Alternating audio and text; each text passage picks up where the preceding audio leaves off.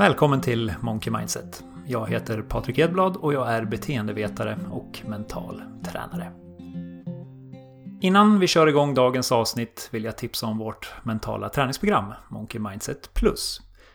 Just nu återlanserar vi en uppdaterad och uppgraderad version av det här programmet. Så om du vill ha en systematisk och beprövad metod för att må bra och prestera på topp rekommenderar jag varmt att du läser mer på monkeymindset.se plus. Här på Monkey Mindset är vi just nu inne i en miniserie om stoicism. En filosofisk skola som grundades under antiken och som utvecklade en massa stora idéer och praktiska strategier för att leva ett bra liv. Om du vill ha en liten sammanfattning av stoicismen och dess främsta tänkare, Seneca, Epiktetos och Marcus Aurelius, så får du gärna gå tillbaka och lyssna på avsnitt 105.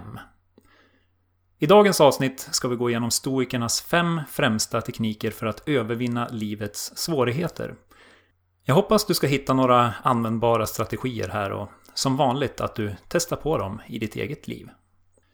Den första tekniken vi ska kika på idag är att vända motgångar till möjligheter. Seneca skriver att ett bakslag många gånger har röjt vägen för större framgång. Många saker har fallit bara för att resa sig mot högre höjder. De flesta av oss ser motgångar som något negativt. Hinder som står i vägen för våra mål och vår lycka. Enligt stoikerna kan du vända på den här uppfattningen genom att inse att det inte finns någon bättre möjlighet att testa sig själv än under svårigheter. På ett liknande sätt som en idrottare tar sig an hinder på arenan så kan du använda livets svårigheter som ett tillfälle att visa vad du går för och bli starkare. Du kan välja att se det som mental motståndsträning.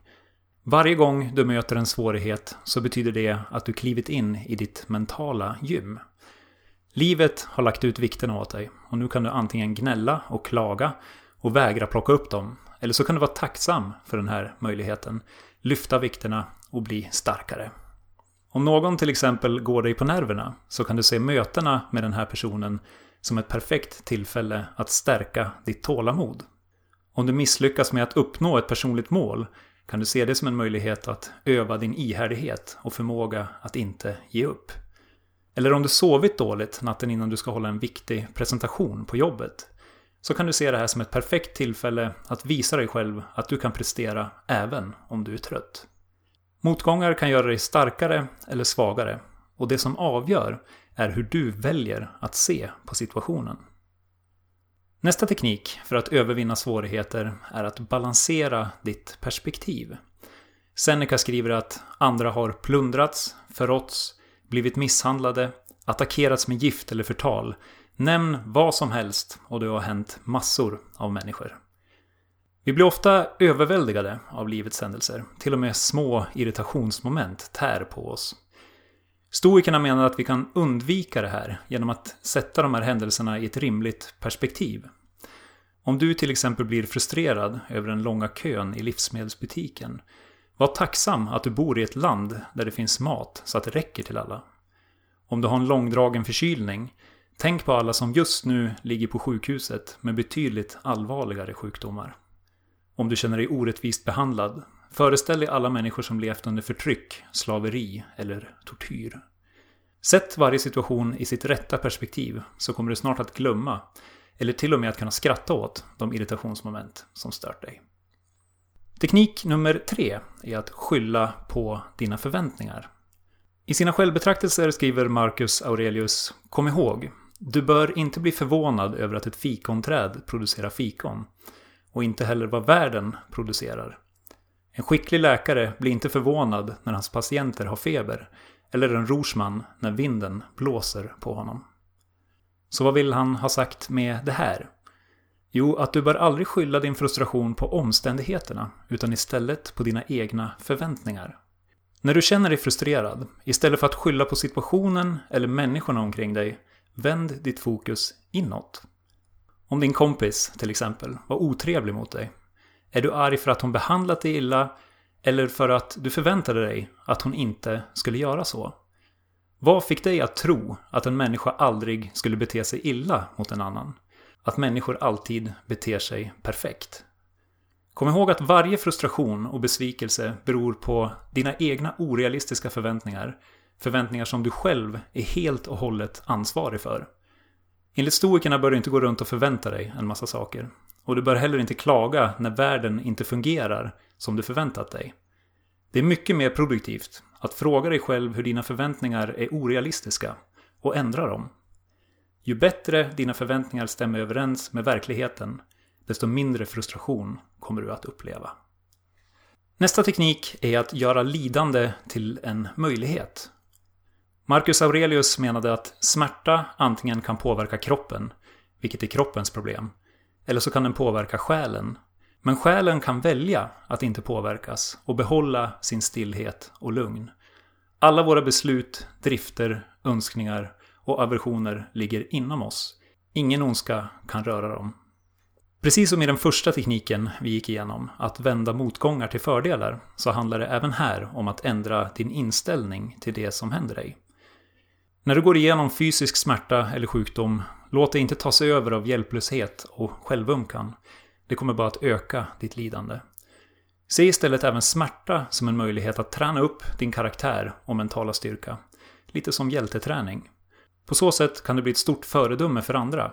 För få saker är så inspirerande som när någon på ett modigt sätt tar sig an och går igenom smärta och sjukdom.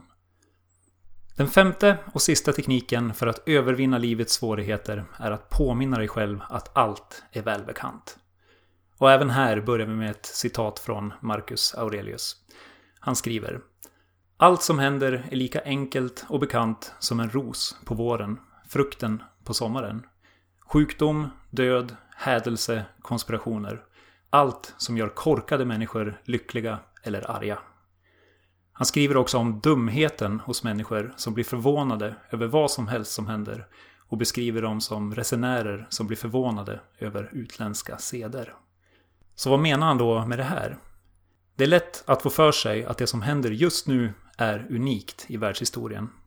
Men vad det än är som händer så har det hänt många gånger förr. Seneca, Marcus Aurelius och Epiktetos stötte på precis samma problem som vi gör idag.